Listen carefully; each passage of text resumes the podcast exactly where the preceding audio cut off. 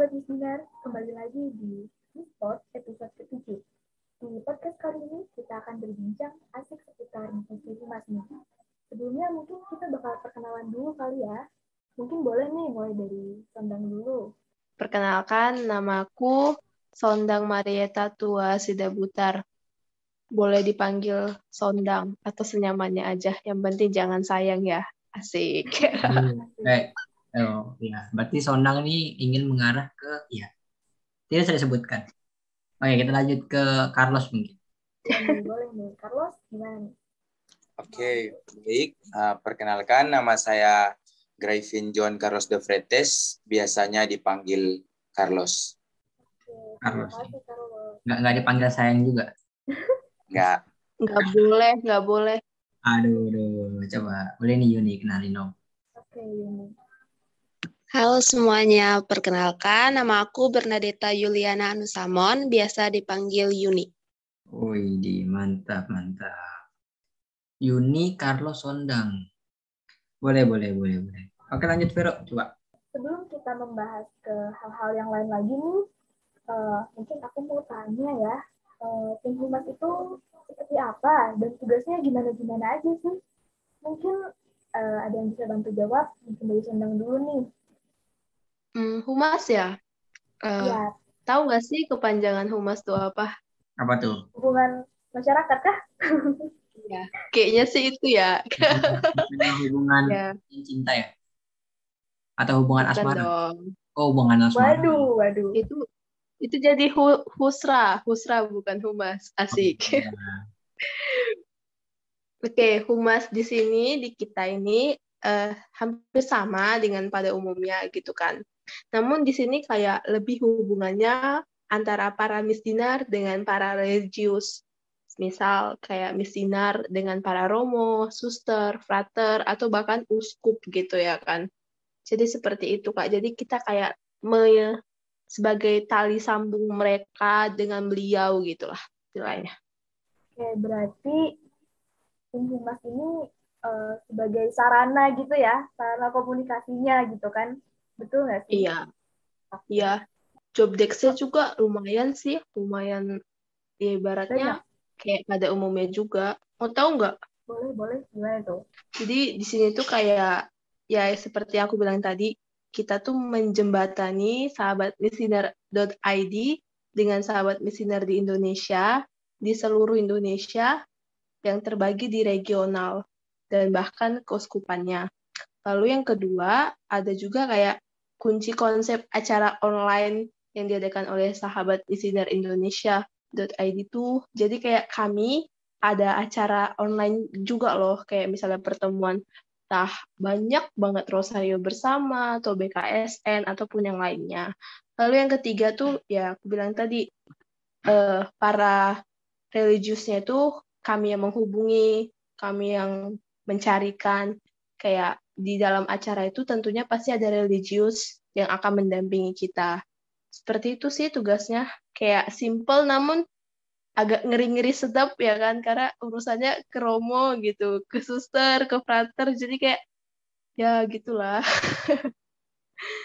Oke, berarti nih kalau bulan Oktober kemarin kan kita habis ada acara Rosario itu ya. Rosario bersama selama 31 hari ini. Oh, berarti Iya. eh, narasumber-narasumber yang religius seperti Pater, Tomo, Suster itu berasal eh, dari tim humas ya yang menjembatani untuk antar komunikasinya. ya betul itu kayak istilahnya kami min- kami sebenarnya minta tolong juga ke teman-teman yang lain namun kayak ya untuk lebih kontrol semua itu ya ke humas seperti itu Hmm, oke. Keren banget sih, parah. Kita kasih tepuk tangan. Oke. Ore, terima kasih terima kasih ambil kembaliannya Oke, kita lanjut lagi nih ya ke pertanyaan yang selanjutnya. Nih ada pertanyaan yang kedua. Kalau boleh tahu nih, teman-teman dari tim humas nih dari paroki mana aja sih? Boleh nih dari siapa dulu ya yang mau jawab ya? Mungkin dari Carlos dulu nih, boleh nih. Carlos dari mana? Oke deh. Eh, aku sih dari paroki eh, Santo Petrus dari Keuskupan Manokwari Sorong. Gini itu. Wih, jauh kali gitu kan. Jauh, iya. Jauh banget, parah-parah, friend. Kalau misalnya Yuni dari mana? Nah, kebetulan aku sama Carlos ini satu paroki. Jadi kita sama-sama dari Paroki Santo Petrus Remu Kota Sorong, Papua Barat, Keuskupan Manokwari Sorong.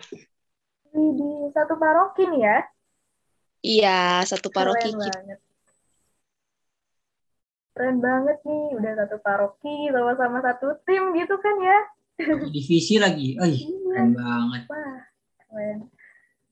Sondang dari mana nih kalau Sondang? Dari hatimu boleh nggak? Asik. Hmm.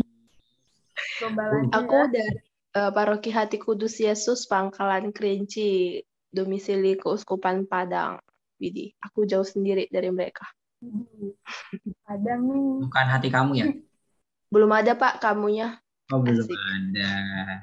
Ya, silahkan pada teman-teman yang ingin mencari jodoh, silahkan mendengarkan podcast ini. Kebetulan Sonang juga jodoh. dicari kamunya. Oke, kita lanjut aja ya. Nih, ada pertanyaan lagi. Yang ketiga, teman-teman kan eh, tadi udah ditanyain nih parokinya. Kayak sekarang aku mau nanya, eh, pasti teman-teman juga pernah ya menjadi seorang misdinar. Kira-kira udah berapa lama sih teman-teman jadi misdinar di parokinya masing-masing nih? Kayak kalau tadi udah dari Sondang dan Carlos, mungkin sekarang ke Yuni dulu deh. Udah berapa lama kira-kira?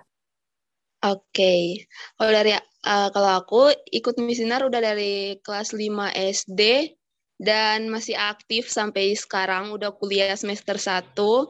Jadi kira-kira udah 8 tahunan lah. Cuma untuk sekarang lebih ke mendampingi sih karena eh, kalau ditawarin tugas juga lebih prepare ke adik-adik dulu. Jadi kalau masih ada yang lain yang bisa tugas, biarin yang lain aja dulu gitu. Jadi udah 8 tahun di Miss Dinar. Oke, berarti udah 8 tahun tuh udah banyak pengalamannya dan udah lama juga ya. Iya, bener banget. Dan kalau sekarang tuh lebih kayak ngalah ke adik-adiknya supaya mereka juga bisa mendapatkan eh, kesempatan yang sama juga gitu ya. Berarti tugasnya mendampingi. Kalau misalnya masih banyak adik-adiknya yang belum ya silahkan gitu ya lebih mengalah. Iya, bener banget. Supaya mereka juga lebih banyak pengalamannya kan buat misa-misa besar ke depannya. Iya, betul banget. Kalian belajar juga. Nah, tadi kan udah 8 tahun nih ya. Kira-kira nih, selama 8 tahun itu, eh, apa sih pengalaman paling berkesan selama menjadi seorang misdinar? Pengalaman paling berkesan eh, mungkin tugas bareng uskup sih. Itu udah paling berkesan. Waktu malam Paskah itu kayak wow gitu. Wih, keren banget nih ya tugas bareng uskup.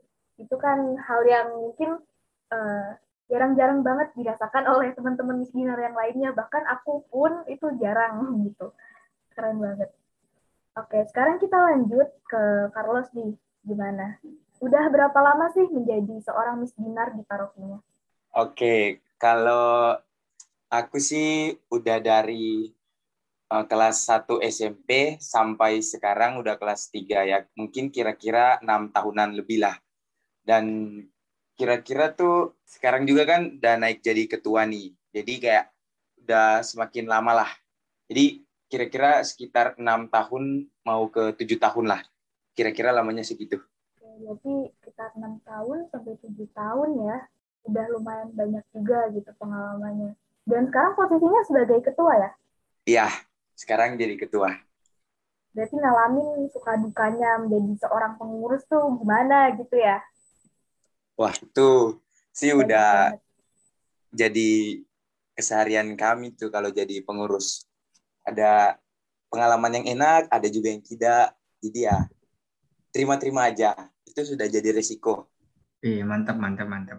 Kalau boleh tahu, Carlos, di parokimu tuh eh, kalau jabat kayak ketua atau kepengurusan tuh berapa lama sih? Eh, kalau di parokinya saya sih eh, itu kayak tidak ada batasan sih. Kalau misalnya dia masih mau menjabat ya bebas-bebas aja. Kadang eh, sampai ada tuh yang kayak sampai 5-6 tahun yang masih menjabat jadi ketua. Mungkin kayak mereka lepas jabatan itu ketika mungkin kayak mereka lepas dari SMA mau ke jenjang yang lebih kayak lebih tinggi kayak mau ke kuliah. Jadi kayak itu kan kayak lebih sibuk tuh. Jadi mungkin mereka lebih susah bagi waktu. Jadi ya mungkin dari situ mereka bisa lepas jabatan mereka jadi eh, dari ketua. Jadi mungkin jadi anggota biasa supaya waktu mereka tuh bisa lebih fokus ke kuliahnya mereka gitu. Jadi kalau menurut saya sih tidak ada batasan. Kalau selama dia masih mau naik jadi ketua, masih mau ngebimbing adik-adiknya ya bebas-bebas aja. Kita ngikut aja gitu. Wih, berarti bisa lama juga ya di sana ya kan kalau di parokiku tuh uh, pengurus tuh satu tahun berarti uh, di setiap paroki itu punya kebijakannya masing-masing oke deh kira-kira kalau Sendang nih udah berapa tahun di Miss Dinar kalau aku ya Miss Dinar aktifnya sebagai aku yang sebagai Miss Dinar tuh dari kelas 5 SD sampai 2 SMP dua SMP itu berapa tahun ya? Kelas 5, kelas 6, kelas 7, kelas 8. Empat tahunan gitu lah ya, empat tahun. Nah, setelah dua SMP itu, aku kan pindah tuh dari parokiku yang di Lampung ke parokiku yang di Keuskupan Padang. Jadi nah di Keuskupan Padang itu terkhususnya di stasiku, aku bukan berkecimpung di paroki sih, aku berkecimpung di stasi. Di situ kalau boleh jujur, belum ada Miss Dinar sama sekali gitu kan. Jadi kayak kalau udah aku di Padang tuh uh, bukan sebagai Miss Dinar lagi kayak ibaratnya yang penggerak lah, yang memunculkan semangat-semangat adik-adik itu biar ada Miss Dinar. Jadi kayak dari kelas 3 SMP aku udah sebagai apa ya pelatih ya pembimbing gitulah istilahnya ya Ah, ah, ah, ah, ya, tapi kayak berkecimpungnya tuh masih di stasi. Karena jujur dari parokiku sendiri tuh kayak dibilang peduli sih, ya, tapi nggak peduli banget gitu loh. Jadi kayak ya daripada nunggu dari paroki gitu kan, jadi kayak aku bergerak sendiri, minta izin juga sama Romo gitu kan. Jadi Romo bilang ya udah latih aja nggak apa-apa. Nah semenjak dari situ, ya namanya kita pembimbing gitu kan, atau pembina atau pendamping nggak aktif banget. Ibaratnya kita sekali-sekali biar nyemangatin mereka atau kayak kasih kesempatan ke mereka gitu. Nah itu kayak bener-bener ya suatu pengalaman sih. Kok dari aku sendiri seperti itu. Widih, lumayan, lumayan. Keren ya Bagas ya.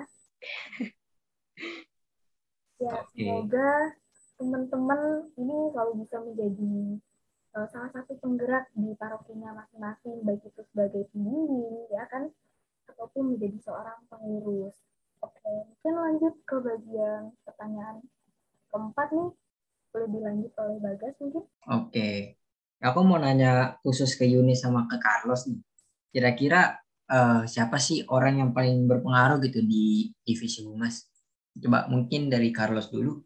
Ya, mungkin kalau dari aku sih pasti sama sih jawabannya kayak Yuni. Mungkin kalau Yuni belum bilang sih hampir sama lah. Ya pasti yang paling berpengaruh tuh Kak Dedi sama Kak Maria. Mungkin orang-orang mereka dua ini yang sangat berpengaruh lah buat kita. Karena kayak kayak kita lagi mau buat kegiatan tuh pasti mereka tuh yang selalu ngingetin. Kalau macam ada dikasih tugas, mereka yang selalu ngingetin. Jangan lupa buat tugas ini, buat tugas ini, kayak gitu. Ya, karena mereka kan emang tugasnya juga sebagai koordinatornya humas ya. Iya. Oke. Kalau dari Yuni gimana? Nah, kalau dari aku sih sebenarnya semuanya berpengaruh ya di tugasnya masing-masing. Cuma emang benar kata Carlos, kalau yang emang paling berpengaruh dan penggerak di divisi kita tuh uh, Abang Dedi sama Kamaria ya, karena kayak mereka yang selalu nginget nyiapin, mereka yang selalu ngeluarin ide-ide, mereka yang selalu mancing kita buat ngeluarin idenya kita juga gitu. Terus juga ada Sondang nih, Sondang juga yang kayak jadi penyemangat kita, yang kayak selalu kayak, ayo kayun, ayo kayun, jangan nyerah, jangan ini, jangan takut salah, jangan takut gimana-gimana gitu. Pokoknya kerjain aja semampunya kita gitu. Jadi kalau dari aku mereka bertiga sih. Ibu Sondang memang keren sekali. Ih, keren sekali. Betul. Tiga. Terus. Jangan begitu. Bapak dan Ibu koordinator yang paling berkesan gitu kan. Tuh. Oke, oke. Nah, ini ya kita sampai ke pertanyaan selanjutnya. Aku meminta kalian untuk uh, wajib nih nyebutin satu nama orang, satu nama orang ya dari tim kalian yang paling nyebelin. Kira-kira tuh siapa? Mungkin dari Sondang dulu. Apa? Gak boleh banyak ya, harus satu ya. ya satu aja. Sebutin satu, nggak usah pakai alasan, nggak apa-apa deh.